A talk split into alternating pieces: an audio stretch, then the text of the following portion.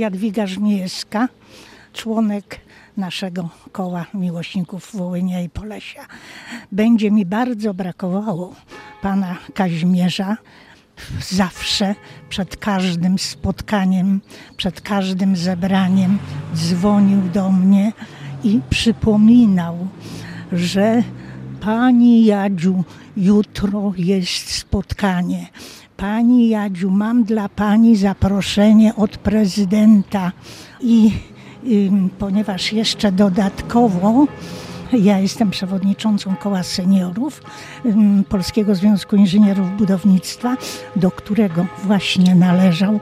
Również często ze mną na ten temat rozmawiał, jaki program, co będziemy robili. Tak, tak. No, dla mnie to był duży wstrząs i będzie mi bardzo go brakowało.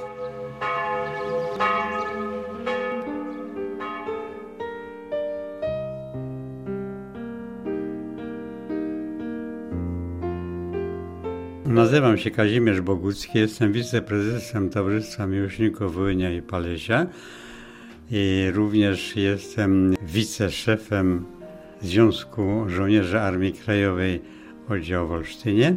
Z racji pełnionej funkcji utrzymuję bliższe kontakty z lwowiakami, również z wileńczukami.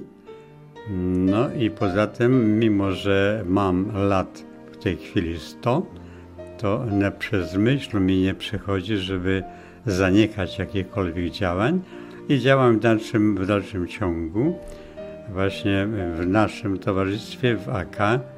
No i jestem e, z tego tytułu zadowolony, ponieważ dzięki temu mam ustawicznie kontakty z innymi ludźmi, a to powoduje, że nie siadam sobie w fotelu i nie zamyślam się nad tym, co było wczoraj. Po prostu biorę udział w codziennym życiu publicznym i to prawdopodobnie daje mi tę siłę. No i dzięki temu jestem tam wszędzie, gdzie zachodzi potrzeba.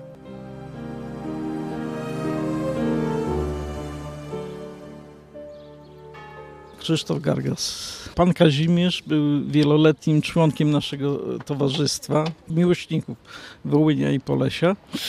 I w tym czasie y, był taką duszą naszego towarzystwa, dlatego że y, bardzo dużo wnosił na nasze spotkania, na spotkania wyjazdowe i zawsze był takim czynnym uczestnikiem spotkań, dlatego że sam pochodził z Klewania, Klewania na Wołyniu uczestniczył nie tylko w spotkaniach naszego towarzystwa, ale i towarzystw takich kresowych bratnich pani Tereso. On jeszcze chyba też y, do Wileniaków też przychodził na spotkania. Towarzystwo Miłośników Wojnia i Polesia, Teresa Więckowska.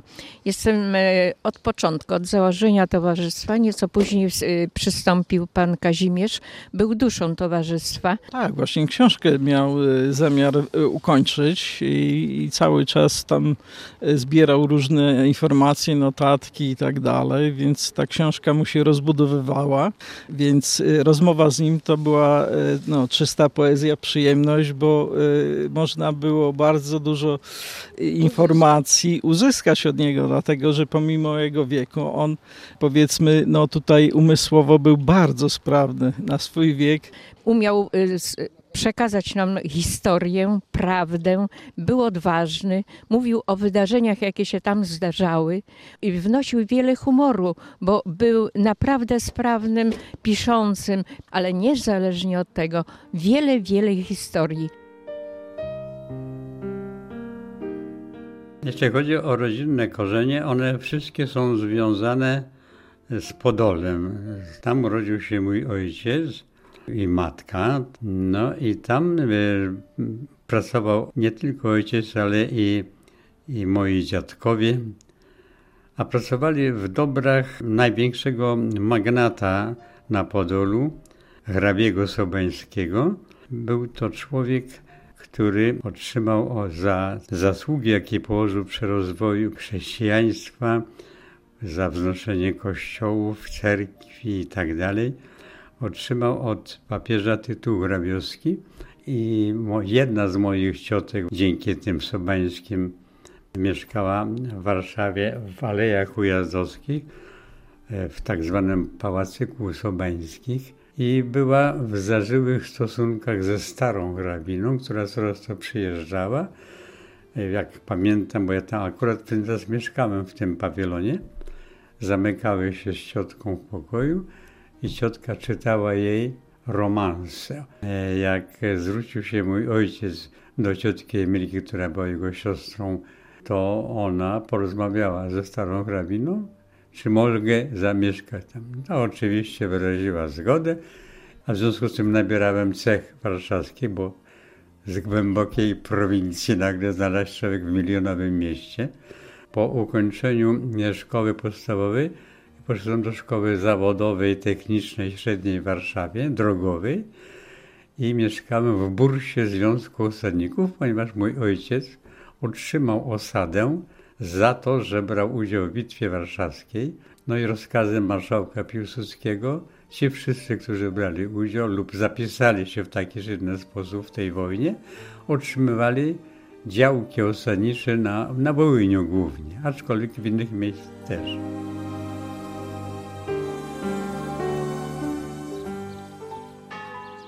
Wyjazdy były liczne, dlatego że wyjeżdżaliśmy tam e, do kościołów, które były przed wojną katolickie, a potem były odbudowywane. Był z nami pan Kazimierz. Organizowaliśmy tam pomoc różną wspomagał nas. Woziliśmy tam i pościel, i ubrania. Był czas taki, i wózki inwalidzkie dla tej społeczności, która tam jest, która funkcjonuje, prawda? I książki do świetlic, mieliśmy kontakt z drużyną harcerską, polską drużyną. Przyjmowaliśmy ich tu w Olsztynie, przyjmowaliśmy chór y, z Łódzka, piękny chór z Łódzka.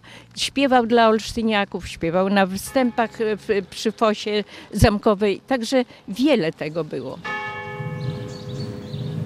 Żyliśmy na Wołyniu, ojciec tam pracował.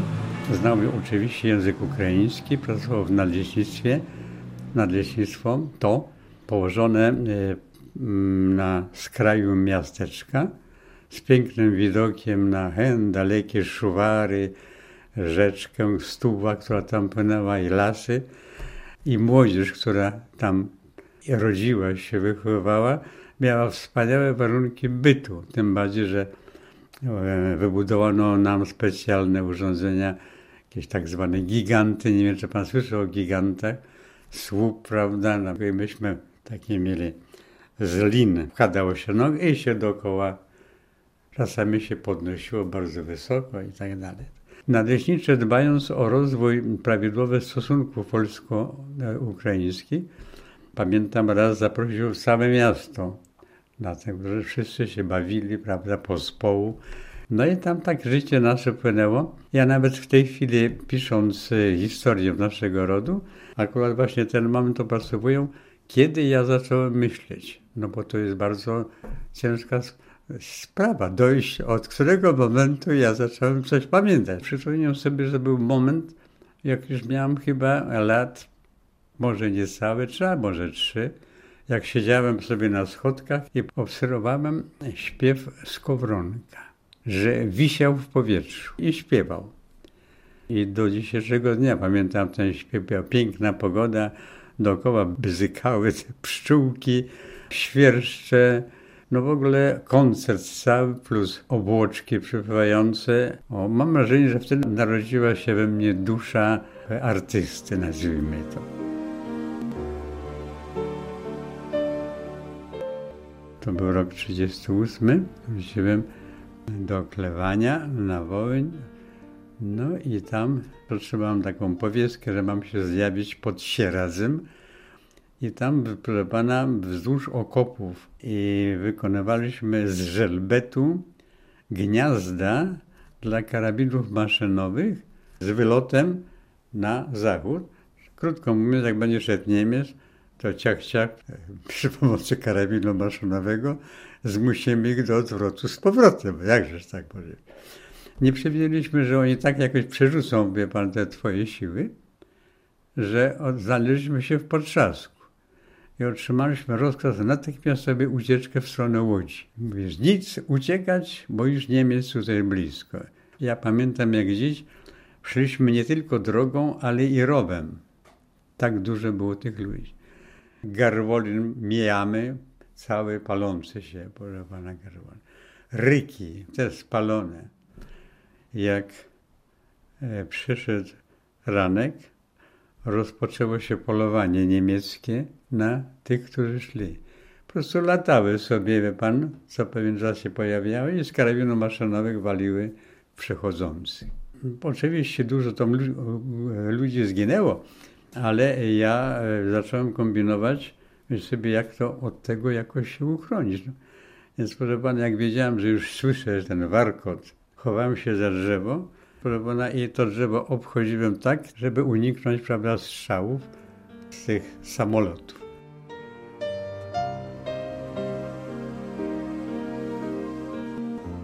Wróciłem z powrotem na wojnę i jest rok 1940 i sadzają mnie do więzienia. Mnie tym razem do równego. Otoczka była taka, że oni nie potrafili tego, że mam się stawić, tylko napisali pismo, że dla odbycia służby wojskowej tam w Archangelsku proszę stawić się i tak dalej.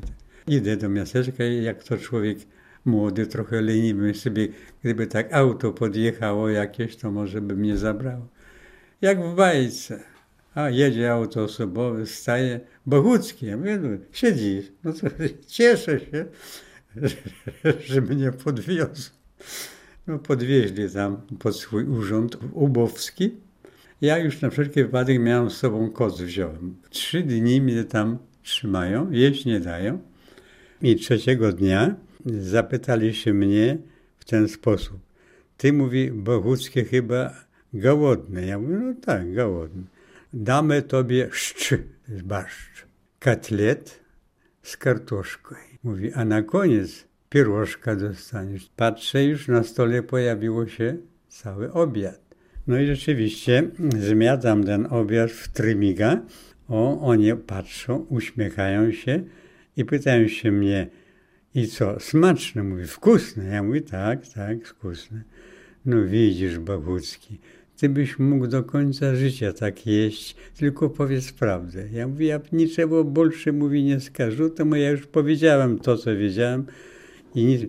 Ach, mówi, ty swołocz, mówi, pokuszył i prawdy nie chce powiedzieć. Mówi, wciurmuję go. No i tam siedem miesięcy sobie posiedziałem.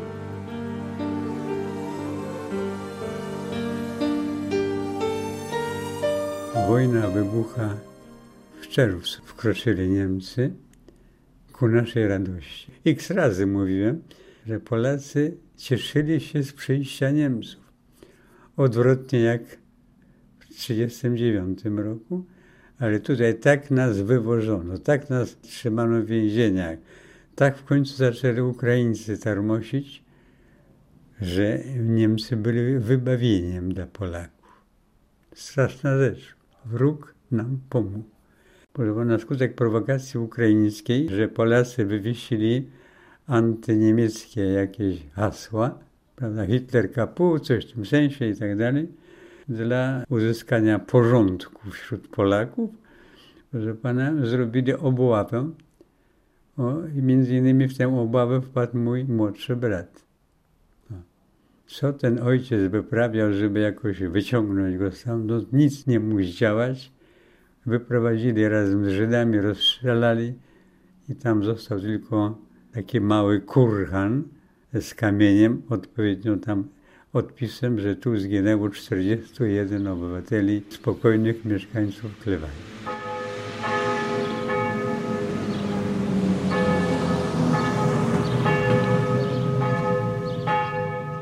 Brak nam będzie. mnie już dzisiaj. W każdej chwili go pamiętam, w każdej chwili go widzę. Ciągle mi brak, kontakty miałam z nim częste. Oddaję mu cześć.